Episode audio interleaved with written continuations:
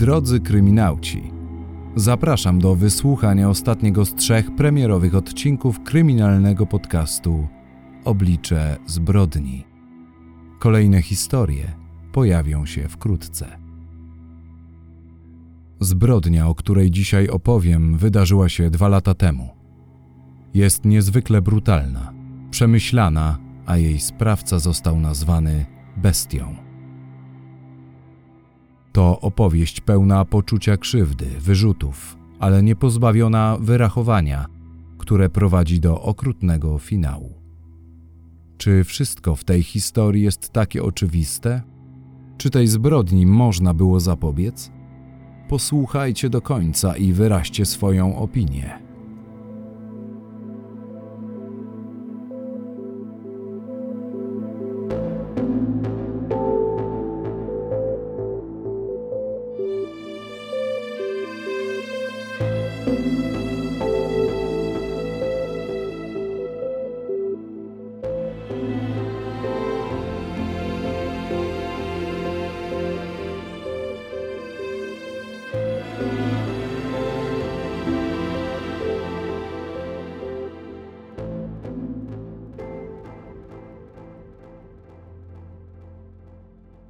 Ząbkowice Śląskie to miasto w województwie dolnośląskim liczące około 15 tysięcy mieszkańców.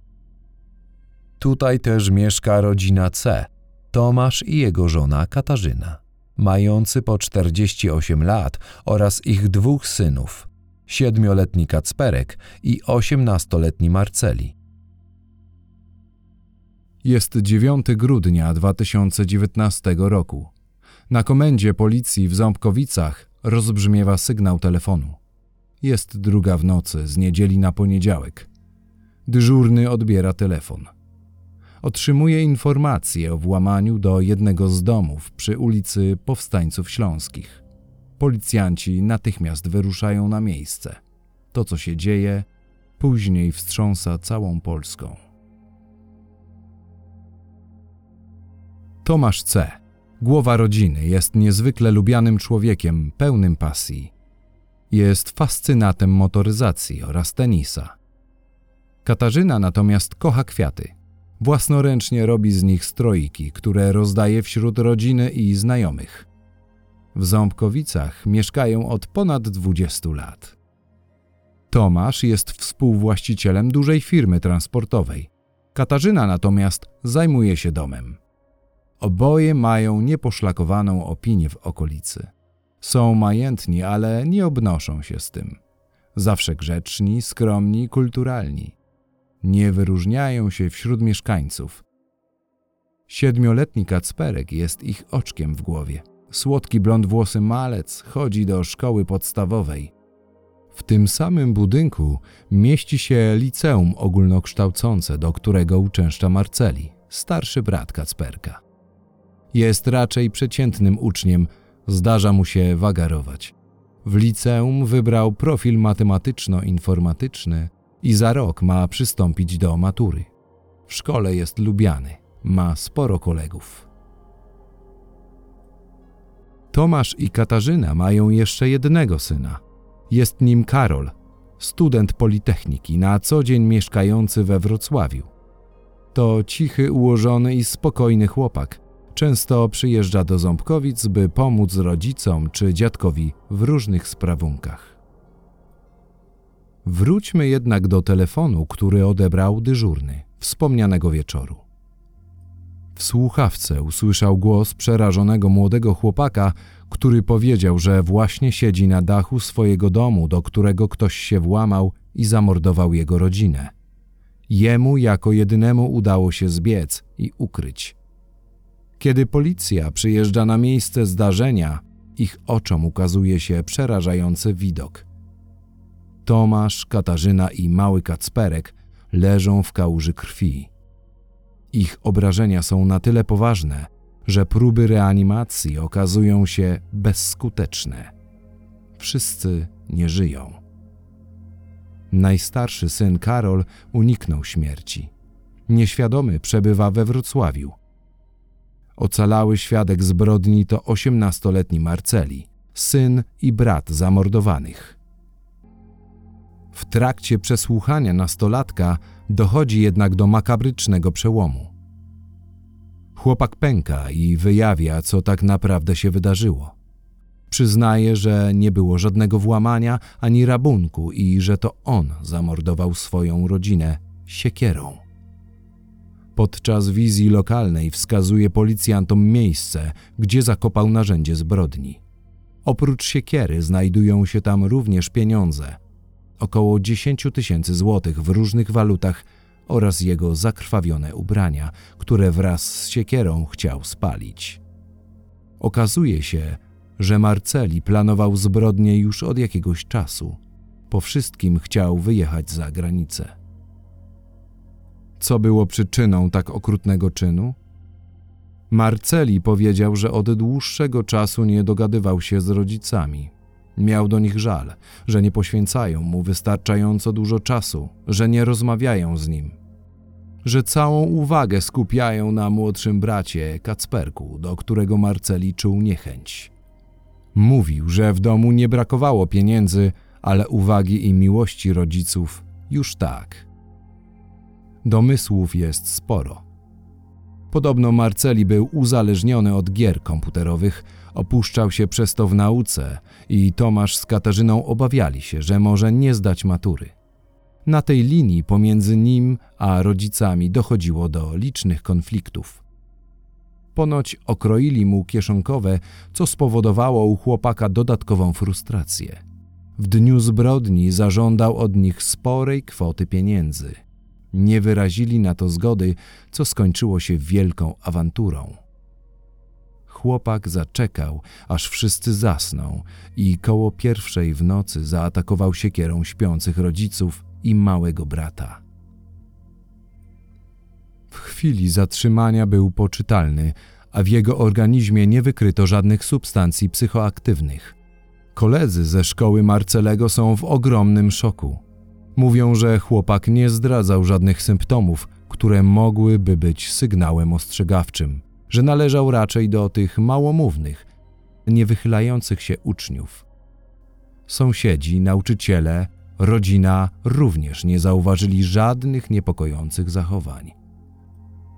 U Marcelego C. stwierdzono poważne zaburzenia osobowości oraz bardzo niski poziom dojrzałości emocjonalnej i społecznej, brak empatii i wrażliwości na przeżycia i potrzeby innych oraz silny egocentryzm.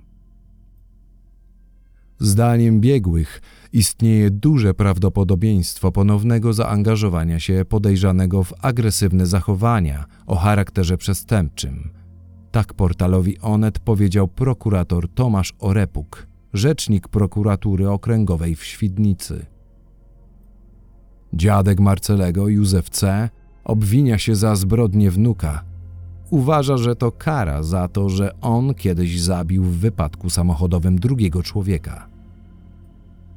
Jest zrozpaczony i nie dowierza, że jego wnuk mógł dokonać tego w sposób świadomy. Wspomina również, że jego zamordowany syn Tomasz powiedział mu kiedyś, że zabierze go ze sobą do rodzinnego grobowca. Tak jakby przeczuwał, że jego śmierć nastąpi wcześniej niż ojca. Pan Józef od momentu aresztowania Marcelego nie ma kontaktu z wnukiem, ale bardzo chciałby z nim porozmawiać obwinia się za tę zbrodnię, nie może ukoić sumienia.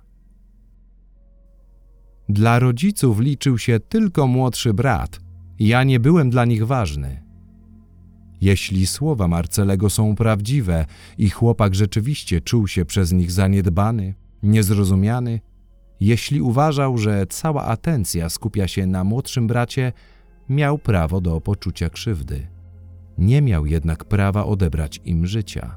Nic nie usprawiedliwia tak okrutnego czynu. Pogrzeb Katarzyny, Tomasza i Kacperka zgromadził na cmentarzu tłumy. Jeden z duchownych prowadzących mszę prosił o przebaczenie dla Marcelego. Żałobnicy w ciszy wysłuchali mowy pożegnalnej. Przytoczę jej fragment, gdyż jest on niezwykle poruszający. Ten chłopiec kochać nie umiał. ale on też jest stworzony do miłości, zarówno tu, na ziemi, jak i po śmierci. Jego rodzina jest już w niebie, ale tam nie ma smutku, obwiniania i żalu. Oni czekają, by kiedyś go przytulić, by nadal go kochać. Marceli trafił do aresztu. Przebywa w całkowitej izolacji na specjalnych warunkach. Istnieją bowiem przypuszczenia, że może stwarzać zagrożenie dla siebie lub innych. W chwili zbrodni był poczytalny, co oznacza, że trafi do więzienia i grozi mu kara od 12 lat pozbawienia wolności do dożywocia. Chłopak chce kontynuować naukę i zdać maturę. Coś, co było zarzewiem konfliktu z rodzicami, stało się celem Marcelego. Zamykając ten odcinek, dowiedzieliśmy się, że Sąd Okręgowy w Świdnicy chciał przedłużyć areszt dla oskarżonego, ale Sąd Apelacyjny we Wrocławiu początkowo nie uwzględnił tego wniosku. Istniała więc możliwość, że Marceli wyszedłby na wolność i odpowiadał z wolnej stopy.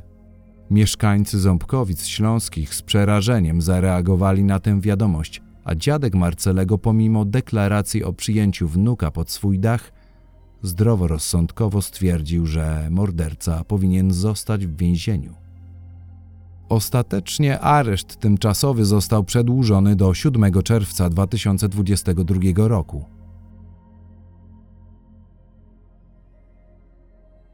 Bunt nastolatka przybrał makabryczne oblicze. Niekontrolowane emocje wyładował w okrutny sposób. Czy przyczyniły się do tego gry komputerowe przesiąknięte agresją, czy olbrzymie rozżalenie ukierunkowane na rodziców? Chęć wolności, ucieczka od obowiązków? Żadna z tych tez nie przywróci już życia Katarzynie, Tomaszowi i Kacperkowi. Wszystkie szczęśliwe rodziny są do siebie podobne. Każda nieszczęśliwa rodzina jest nieszczęśliwa na swój sposób. Anna Karenina, Lew Tolstoj. Dziękuję za wysłuchanie tego odcinka.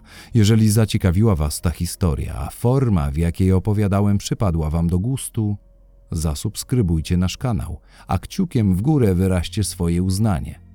Wszelkie uwagi oraz wskazówki proszę pozostawić w komentarzach. Dziękuję.